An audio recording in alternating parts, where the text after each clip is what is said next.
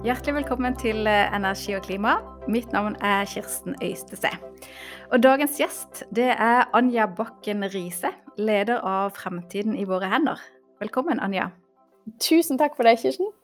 Du, Med over 40 000 medlemmer, er dere vel den største miljøorganisasjonen i Norge?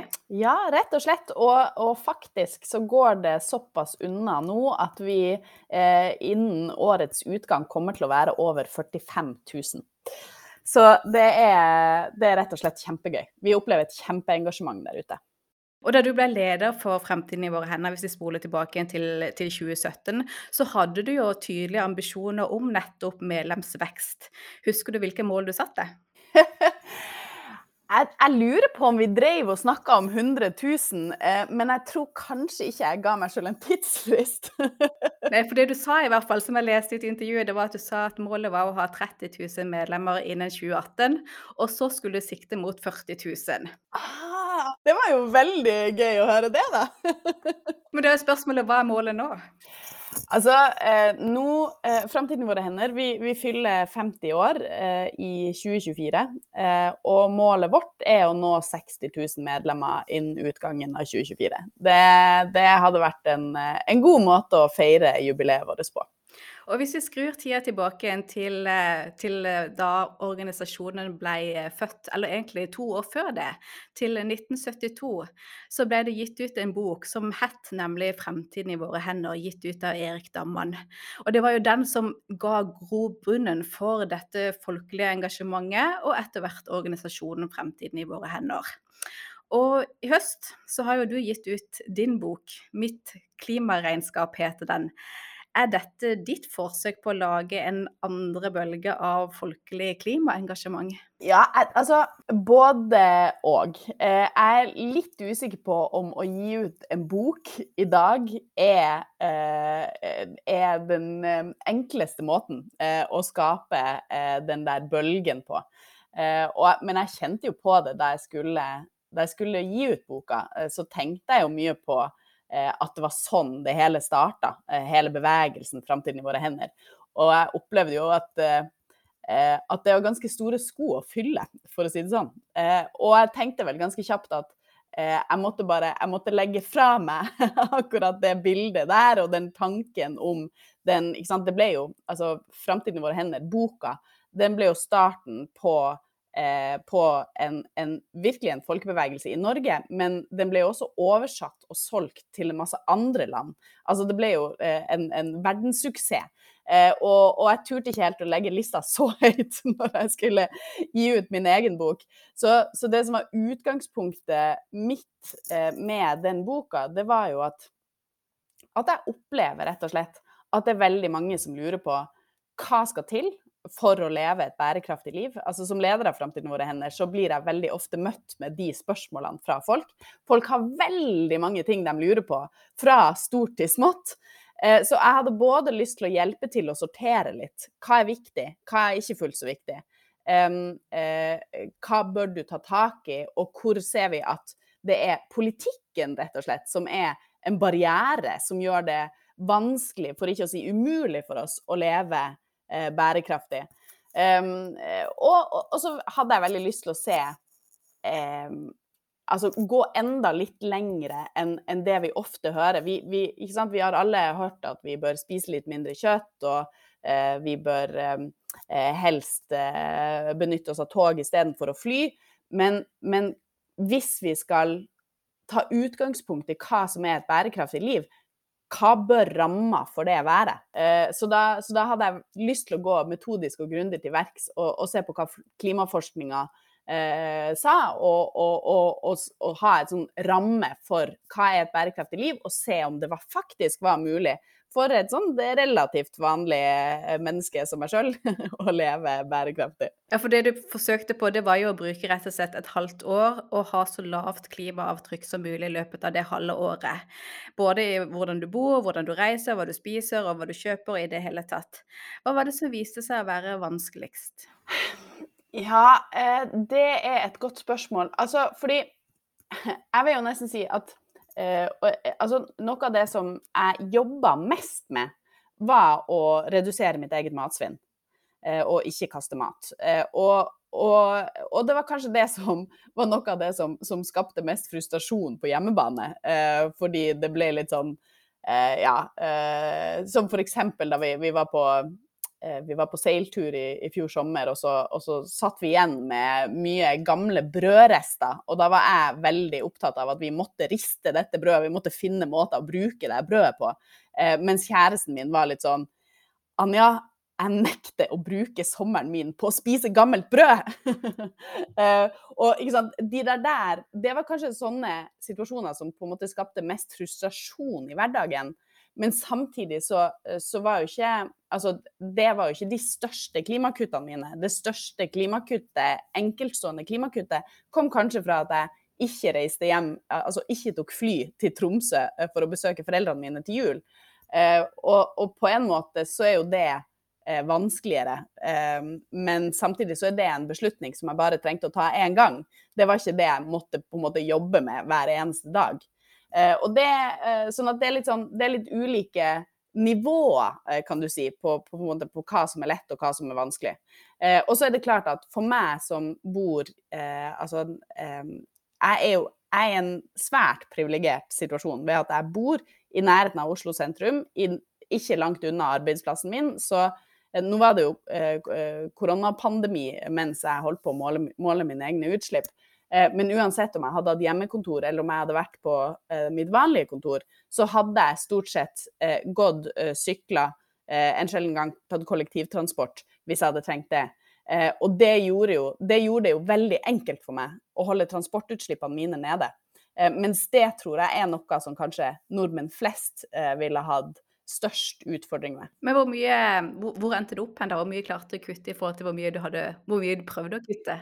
Det som er, Nordmenn i dag eh, vi har et klimautslipp per person, eh, og da snakker vi om det som kalles for forbruksbaserte utslipp. Da tar man med eh, klimautslippene som oppstår i produksjonen av forbruksvarene våre, selv om det skjer utenfor Norge sine grenser. Og når man ser på den helheten der, så har nordmenn flest et, et klimaavtrykk på rundt 11 tonn CO2. Det klimaforskerne sier, er at hvis vi skal nå Parisavtalens mål, så må vi innen 2030 så kan hver og en av oss maks slippe ut 2,5 tonn CO2. Um, ehm, så vi skal altså fra 11 tonn CO2 per person per år ned til 2,5 tonn CO2 per person. Jeg klarte å komme meg ned på rundt eh, 6 tonn CO2. Så det betyr at jeg klarte å eh, redusere utslippene mine med rundt 45 som på mange måter er et veldig godt resultat. Men langt unna uh, der, der, jeg egentlig trengte å være. Mitt inntrykk er jo at uh, her lå det ganske mye jobb egentlig i bare å finne ut av hvor store utslipp er det fra et stykke gulrotkake eller fra en bukse, og det å føre regnskapet. Og så må du kutte ut egentlig ganske mye av det som, som er litt sånn gøy og litt kos. Og en del ting blir også litt mer tungvint og kanskje til og med dyrere. F.eks. reise kan bli dyrere, skal du reise klimavennlig. Altså, Fikk du i det hele tatt noen nye vaner i løpet av dette prosjektet som du beholdt fordi det gjorde livet bedre, enklere, gøyere? Um, jeg vil jo si at kanskje noe av det som har gjort livet bedre og gøyere uh, OK, to ting. Uh, det ene er uh, sykling. altså det å eh, altså, det, er, altså det, det, er, få ting som gir meg en sånn frihetsfølelse som å sette meg på sykkelen med liksom vinden i håret. Eh, om sommeren, kanskje ikke så mye klær, kjenne sola i ryggen eller i ansiktet mens du kjører forbi, eh, eller sykler forbi, eh, stappfulle busser eller eh, hva det nå er, eller biler som står og stamper i kø. Um, I min erfaring så er det at, at, at, sykkel også er et mye mer effektivt transportmiddel enn veldig mange andre eh, transportformer der du, du, ender opp med å måtte stå mye i kø eller vente eller ja. Eh, så, så, jeg vil jo si at sykling for meg har blitt en sånn Åh, ja, nei. jeg er så glad i sykkel. Og så er jeg veldig heldig for, som bor i Oslo, der det satses eh, såpass mye på tilrettelegging for sykkel. Så det vil jeg si er en sånn ting. Og da fant jeg jo også ut, eller Altså det, det, å sykle kommer jo med minimalt med klimautslipp. Eh, så det, det, er jo helt sånn fantastisk på den måten også. Eh, en, en annen ting som eh, OK, jeg vil ta tre ting. Eh, det var den ene tingen. Den andre tingen er eh, kleslåning. Eh, altså, det er Altså, jeg, jeg, er glad i klær, jeg er glad i og farge Form og farge, holdt jeg på å si. Og noe av det som jeg har vært liksom spent på, er men hvordan kan vi hvordan kan vi fortsette altså, Det er ikke alle som har det samme forholdet til klær, men, men mange av oss syns jo at det er gøy og vil pynte oss og vil eh, uttrykke oss eh, gjennom måten vi kler oss på.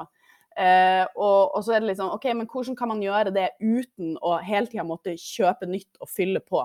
Eh, og, og, bidra til de enorme avfallsproblemene, bl.a. som det her bruk-og-kast-relasjonen vår til, til klær fører til. Eh, og da eh, starta jeg opp en, en, en, en, låneklubb, rett og slett. Inviterte noen gode venner over på besøk. Hadde litt vin, hadde litt mat. og så tok folk med Altså først så trodde vi at vi skulle bytte klær, altså at man ga videre klær man var ferdig med. Og, og, jeg tror de fleste liksom rynka litt på nesa av å skulle låne klær av hverandre. Det, det var liksom litt sånn uvant og, og nytt.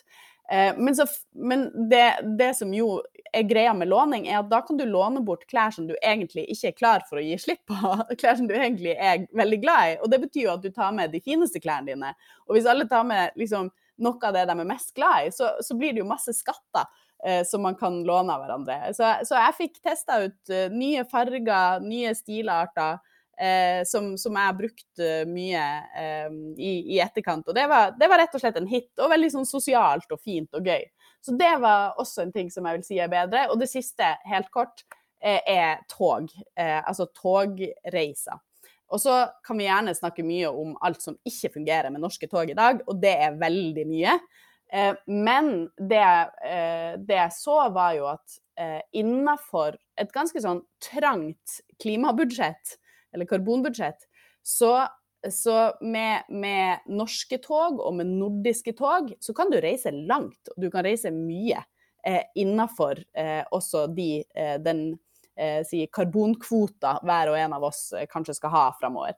Eh, og det tenker jeg Altså jeg mener å huske at en tur med toget mellom Oslo og København Eh, København er en by som jeg er veldig glad i, som jeg gjerne reiser en del til.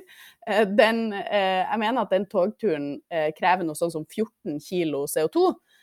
Og det er, under, det er godt under halvparten av et ukentlig klimabudsjett innenfor Parisavtalens mål. Så da, da, liksom, da, da, kan vi komme oss i København og drikke snaps og spise smørrebrød. Så ja, det, det tenker i hvert fall jeg er veldig håpefullt, da.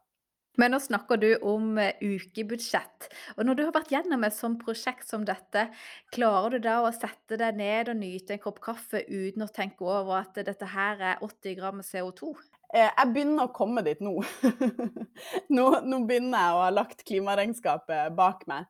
Eh, men, men, men, det er et veldig godt poeng.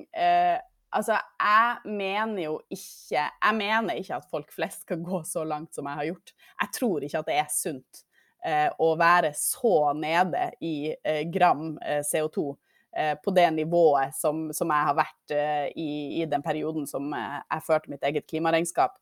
Det, du, du, jeg tror For det første så er det bare Det er så overveldende uh, som enkeltmenneske å skulle ha den oversikta og sette seg inn i alle de her tingene og forholde seg til aktivt forholde seg til alle de tingene. Så jeg tror ikke at på det nivået som jeg har vært, det tror jeg faktisk ikke er sunt eller bra for folk å være i eh, over, eh, over, lengre tid. Og så tror jeg også at hvis vi går altfor mye opp i de der eh, små grammene med CO2, så er jeg redd for at vi flytter fokus fra de store og viktige strukturene som er helt nødvendig eh, å, å både eh, få fram i lyset, vi må ansvarliggjøre politikerne osv. Eh, og, og, og, og skape endring der.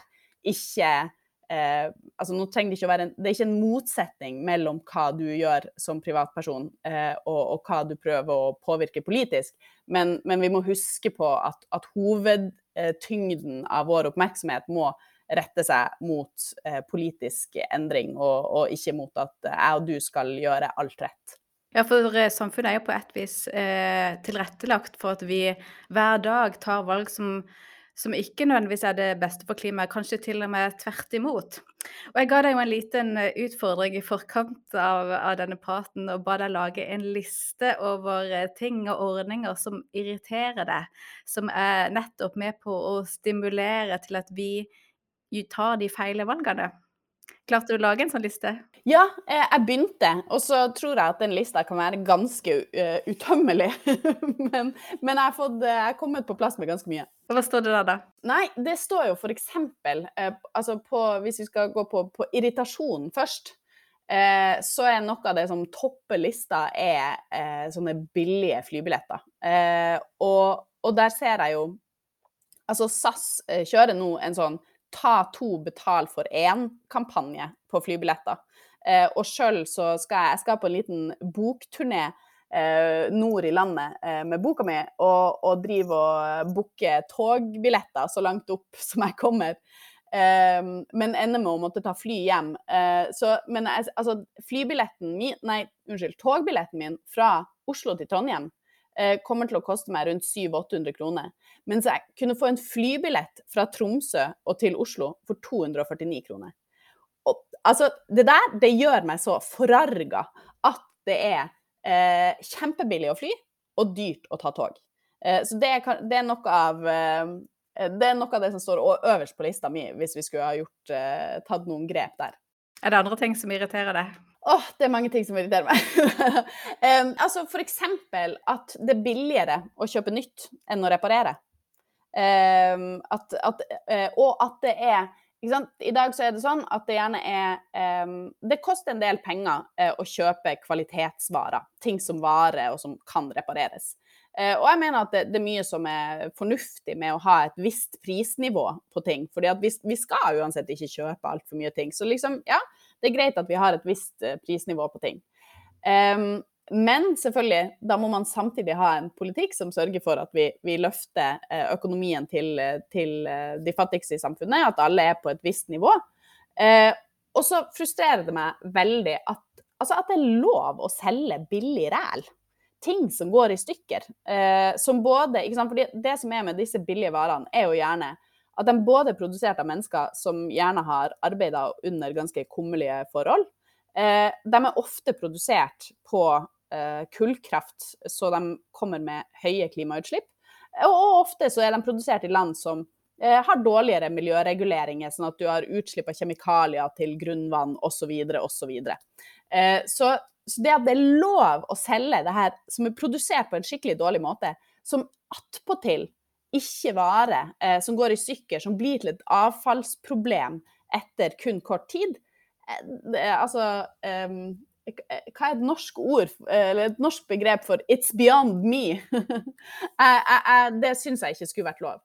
Og da, og da, og det, men det finnes jo så mange fantastiske alternativer til det her. Eh, jeg kom over i, i researchen til boka mi, eh, så da, jeg, så på tekstil og, og, klær Eh, sant, I Norge så, så, har vi et, et kjempeforbruk eh, eh, og en veldig sånn, bruk og kast-tilnærming til klær. Eh, hver, nordmann, hver, nordmann, forventes å kjøpe rundt 1,2 tonn med klær i løpet av livet sitt. Eh, vi har i snitt 359 plagg i klesskapet, og hvert femte plagg henger ubrukt. Eh, så, så liksom, her, her, må vi gjøre noe. OK, hva skal vi gjøre? Og da kom jeg over et eksempel fra, fra andre verdenskrig i, i Storbritannia. Eh, og da, eh, da, hadde man he, et helt annet forhold til ressurser. I, krigs, eh, i krigssituasjonen så, så, skjønner du at, at, at, ressurser er noe du må ta vare på og spare på og fordele på en klok måte. Og da hadde man innført noe som man kalte for utility clothing. Eh, og et norsk ord for det kan være nyttestoff. Eh, fordi det de så, var Da hadde man jo rasjonering på klær. Eh, og, og, problemet med, med, rasjonering da var at de rikeste eh, kunne eh, få tak i klær av god kvalitet eh, og betale for det på sine rasjoneringskort, mens de fattigste hadde samme antall rasjoneringskort, men hadde ikke råd til den gode kvaliteten. Sånn at de fikk ting som gikk i stykker raskere. Eh, så, så da, da, da, da nytta jo, eller da, gjaldt Da var ikke disse rasjoneringskortene til så veldig god hjelp når, når, eh, når tøy uansett bare gikk i stykker. Så da innførte de eh, nye kvalitetsstandarder for eh, tekstiler, eh, som de kalte utility clothing.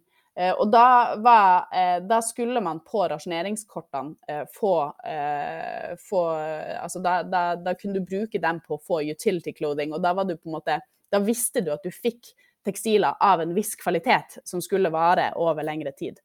Og den tankegangen der Um, den på både, både litt sånn um, en forståelse av at vi må eh, rasjonere på ressursene våre. At vi, må, um, at vi må forvalte ressursene våre på en klok måte. Men også da uh, å innføre mye strengere produktstandarder. Uh, og det kunne man hatt på alt fra tekstil til møbler til elektronikk. Eh, der skjer det jo veldig mye. Det skjer mye i EU nå eh, på, på det som kalles for sirkulærøkonomidirektivet, og, og man begynner å, å, se på eh, behovet for, for, strengere standarder over hele linja. Men, men der, der, kunne det skjedd enda mer og enda raskere, for å si det sånn.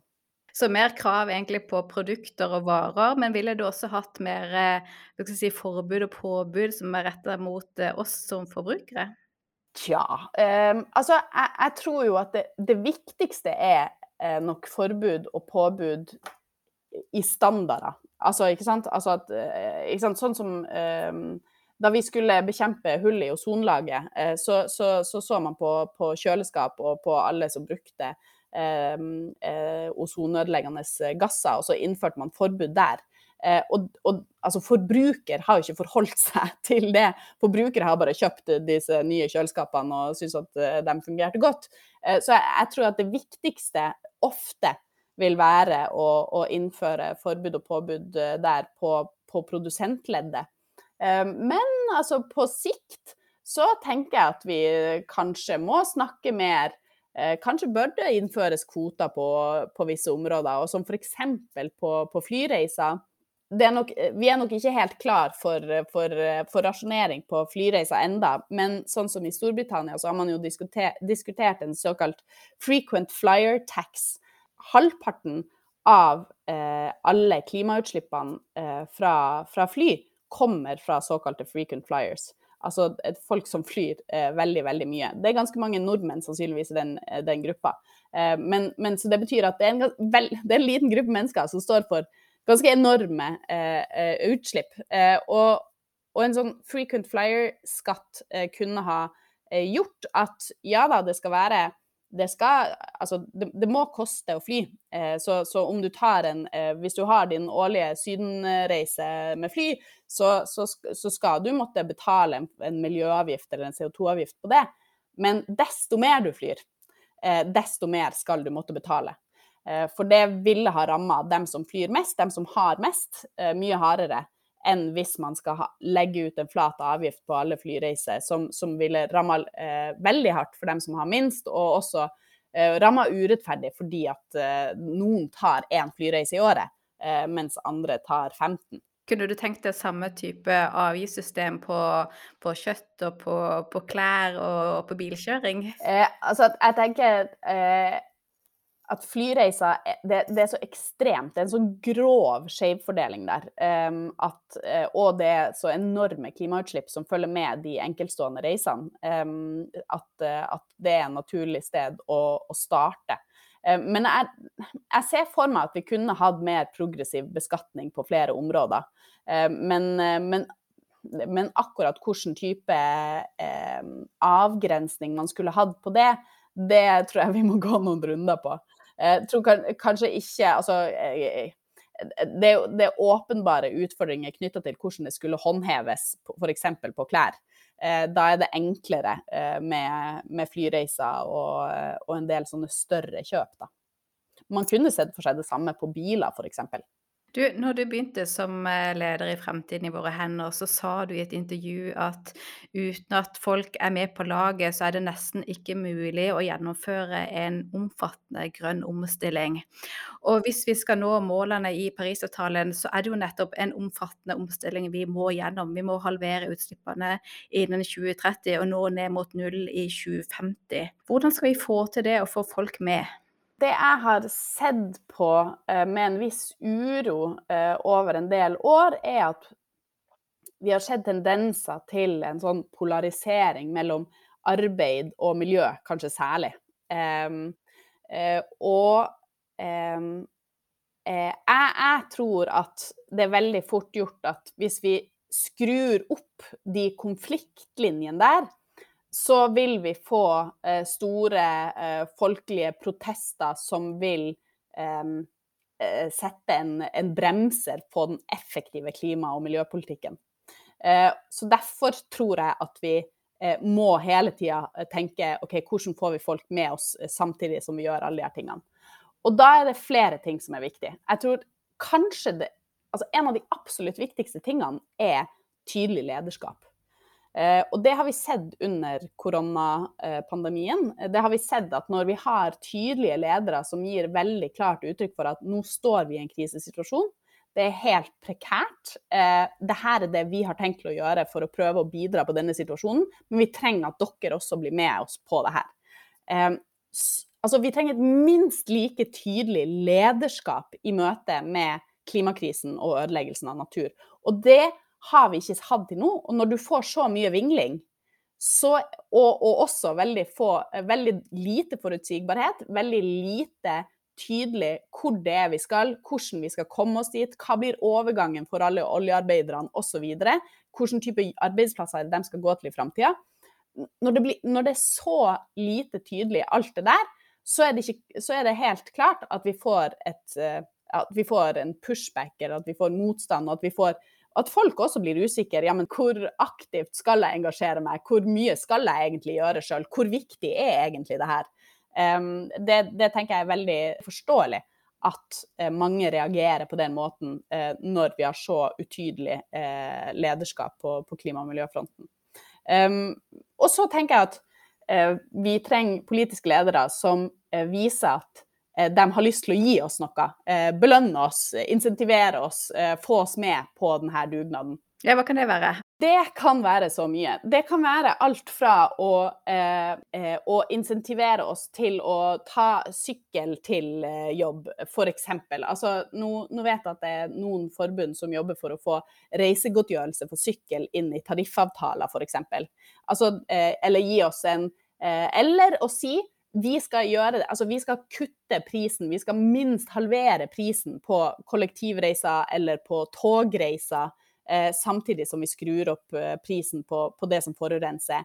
Eller eh, vi, skal, eh, vi, skal, kutte momsen på reparasjoner, sånn at det skal lønne seg eh, å reparere istedenfor å kjøpe nytt.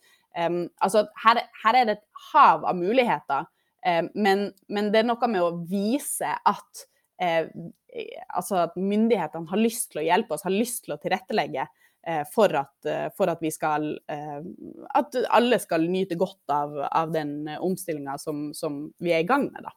For, eh, for, noen dager siden så la DNV fram en rapport om hvordan Norge lå an mot eh, klimamålene. Eh, og kanskje ikke overraskende så, så, var konklusjonen at vi ikke ligger i rute til å kutte utslippene med 55% innen 2030. Eh, Aftenposten omtalte rapporten og hadde tittelen 'Upopulære tiltak må til om Norge skal nå klimamålene'. Er du enig i det? Er vi nødt til å bare si at dette vil kreve upopulære tiltak? Og jeg kjenner jeg blir så frustrert nettopp fordi altså, det, jeg nettopp sa om, om manglende klimalederskap. Altså, jeg, jeg, eh, ja, jeg tror absolutt at, at, eh, det er en del eh, grep og tiltak eh, eh, som må tas, som ikke kommer til å være populære. Eh, men hvis vi hadde en litt mer helhetlig og god plan, så eh, tror jeg at man kunne ha fått til en, en overgang som eh, kunne skape engasjement. Eh, og for å ta et sånn veldig konkret eksempel eh, på det, som, noe av det som egentlig gjorde meg mest håpefull eh, da jeg jobba eh, med, med, med, forarbeidene til boka mi, det var å sette meg inn i egentlig hva som finnes av muligheter innenfor transportsystemet.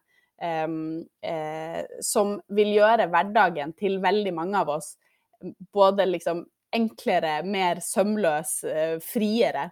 Eh, og det handler om et, et, et gjennomplanlagt og godt kollektivsystem. Og da hadde jeg bare lyst til å ta Det er, en, eh, det er gjort en, en, undersøkelse i Oslo, i Oslo og Viken. Eh, sånn at det handler ikke bare om storbyen Oslo, men det handler også om, om Viken. Og, og, der har du du har eh, småsteder som, som Ytre Enebakk med 3000-4000 innbyggere.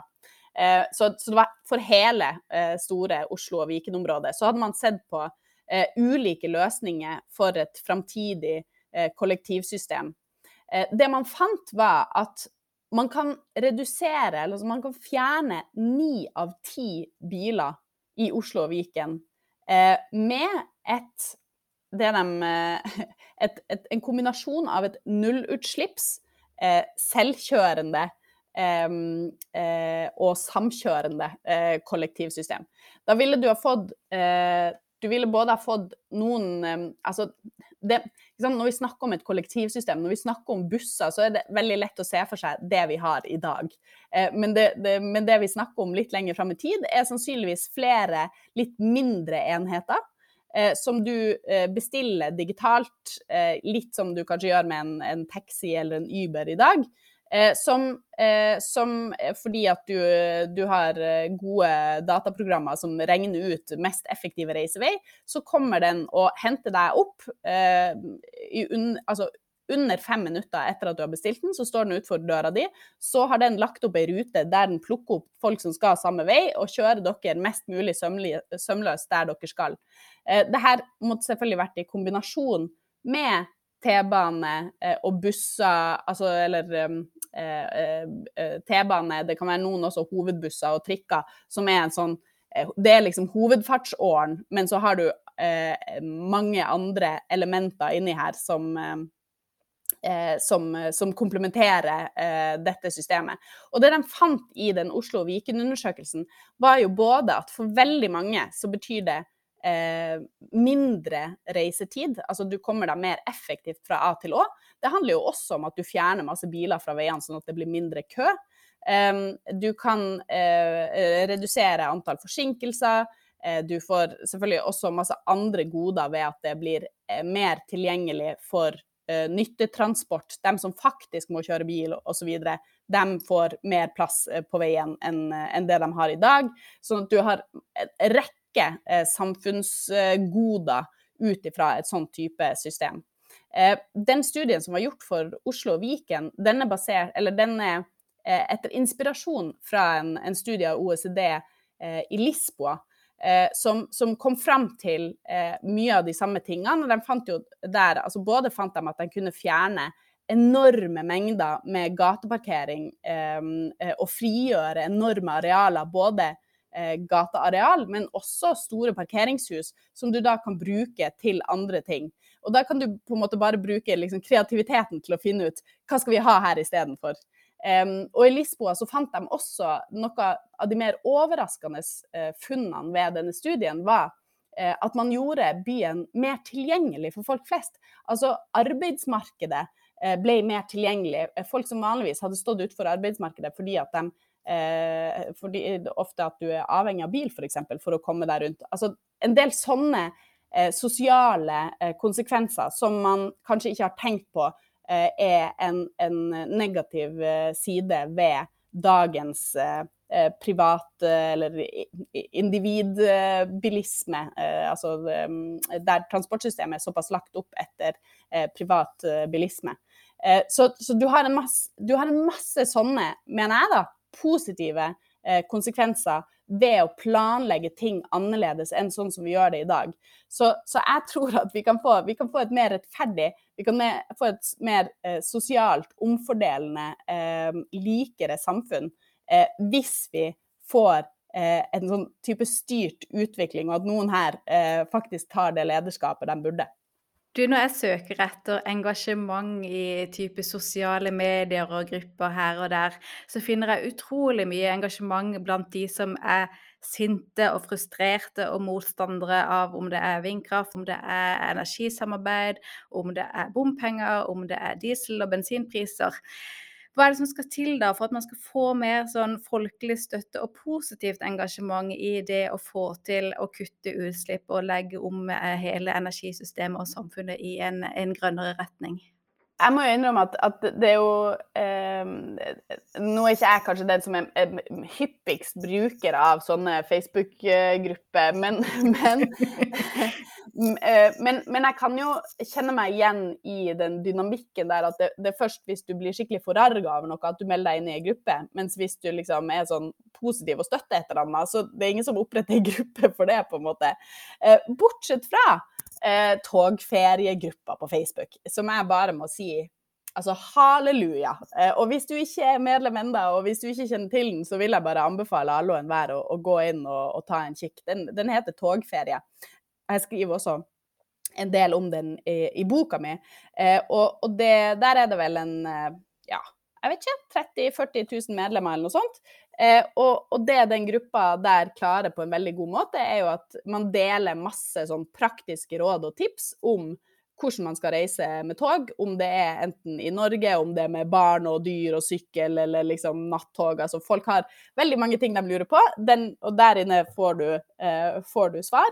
Um, eller om det er at du skal ut på kontinentet og lurer på hvordan du skal komme deg rundt det. Så, altså, så masse dyktige og flinke folk som, som, hjelper deg der. Det som er interessant med den gruppa, er at utover å være et sånt sted for praktiske tips, så har det også til dels blitt en, om ikke en politisk maktfaktor, så i hvert fall en eh, en, en, en, en, av flere påvirkere eh, som, som, vi har sett de siste årene etter hele den debatten om flyskam Eh, så, så, kom det her på en måte opp som en, et, eh, et, svar på det. Eh, flere som ønska et bedre tilbud på tog, og, og som ville liksom eh, framsnakke tog. Eh, og det vi har sett, er at eh, du har flere av, av departementene, etatene, som jobber med tog og jernbane i Norge i dag. De er der inne, Vy er der inne eh, Go-Ahead, SJ, er der inne eh, og, og, og, har aktivt brukt den gruppa. Eh, og vi har jo sett nå at nå skal det komme eh, både bedre internettdekning, det skal komme bedre, flere alternativer for, sove, eh, for soving på Bergensbanen bl.a., som er en av de tingene som har vært etterspurt der inne. Det jobbes eh, for et, et, et, altså at Norge skal bli bedre kobla på eh, kontinentet osv. Eh, som, som, langt på vei er krav som har blitt framsatt i eh, den gruppa. Eh, og, og, og, jeg vil si at, at, den gruppa definitivt har vært med på å påvirke det norske togtilbudet, og at det utvikles i, i riktig retning, selv om det går altfor sakte osv. Så, så, så, så, så jeg tenker at eh, det finnes definitivt spor av den type engasjement i dag òg. Det ser man også f.eks. på Eh, alt som går på vegetarmat. Eh, så har du sånne eh, veggis-entusiasmegrupper på sosiale medier og sånn. Så jeg tror men, men, en sånn der generell klimapositiv Facebook-gruppe, det, det, vet jeg ikke. Altså, jeg tror faktisk jeg er med i et par, men, men, men, jeg har ikke vært spesielt aktiv der. Men jeg tror det er når vi snakker om de her konkrete tingene, det er da du får det meste engasjementet. Mm. Nå har vi jo en relativt fersk eh, regjering, eh, og eh, de er jo da ofte på, en, på runde rundt forbi og besøker organisasjoner som dere og andre for å få innspill og lytte til hva er det som, som er viktig å prioritere nå. Hva er din ønskeliste eller bestillingsliste til regjeringen som nå skal legge disse store rammene og føre oss på, på riktig spor mot 2030-målene? Åh, de har eh, en, en, eh, stor oppgave foran seg. Jeg skal faktisk eh, i møte nå om en liten times tid, så skal jeg møte med, med næringsministeren. Og da er noe av det som står øverst på agendaen vår til han, det er hvordan vi skal bevege oss fra den her lineære økonomien med, som, som, som skaper enorme mengder med avfall. Vi har et helt sånn enormt forbruk, overforbruk av naturressurser, eh, som både eh, forsterker klimakrisa og eh, ødelegger natur.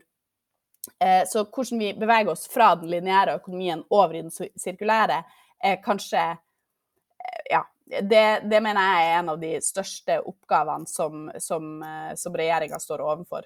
Um, og, og, det som er litt sånn eh, kinkig i dag, det at vi ofte eh, vi snakker om eh, vi snakker om klimakrisa på den ene sida, og så snakker vi om tap av natur på den andre. Um, og, og, og sirkulærøkonomi også som, som, en litt sånn tredje ting. Men egentlig så er det jo sant, i, i, kjernen, eller i, i, skjæringspunktet mellom ødeleggelse av natur og klimakrisa, så har du dette overforbruket av naturressurser. Uh, og problemet blir ofte når vi ser for snevert på f.eks. klima og klimaløsninger, så glemmer vi å ta med oss OK, hvordan ressursforbruk går med Eh, så, så eksempel, altså eh, jeg er en, en, en, sterk forkjemper for at vi elektrifiserer alt eh, og hele transportsystemet.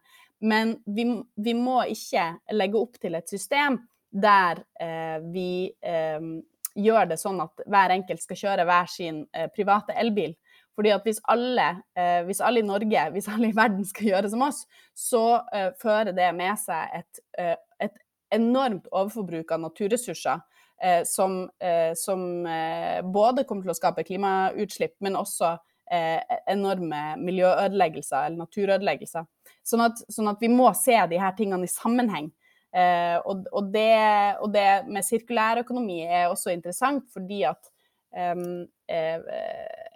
For det, det, handler om å, å se på at de løsningene som vi introduserer her i Norge, at det ikke f.eks.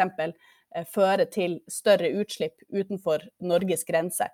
Eh, som er, som er, tendenser som vi har sett eh, i mange sammenhenger, f.eks. når vi snakker om, om, bruken av biodrivstoff som er basert på palmeolje, som ødelegger regnskog osv. Jeg har mange, mange tiltak og, og, mange krav, men, men, den overgangen fra den lineære til den sirkulære økonomien er, er kanskje noe av det viktigste. Så denne, denne klessirkelen din som du hadde med å, å bytte klær, det er kanskje en, en, mal for også større systemer, og ikke bare min lille vennegjeng, men, vi tenker litt i det stort? Det er det. Og, og, og um, I boka mi så har jeg brukt meg som eksempel. Eh, og det, grunnen til at jeg har brukt meg, er jo fordi at jeg eh, har jeg, jeg, opplever jo veldig ofte at vi snakker om klima og natur eh, på en måte som gjør det veldig fjernt og veldig abstrakt for folk. Eh, og det er vanskelig å sette seg inn i, det er vanskelig å forstå både ja, men hva er min rolle og hva bør jeg gjøre. Så, så jeg tror på å formidle det nære og det konkrete. Eh, men det er klart at jeg mener jo at det er strukturene eh, som eh, må endres, og det er politikken som må, som må ansvarliggjøres.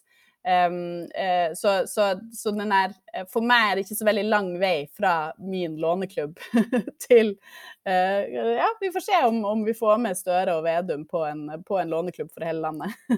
da sier jeg tusen takk for praten, og lykke til med å skape større og flere lånesirkler. tusen takk for det.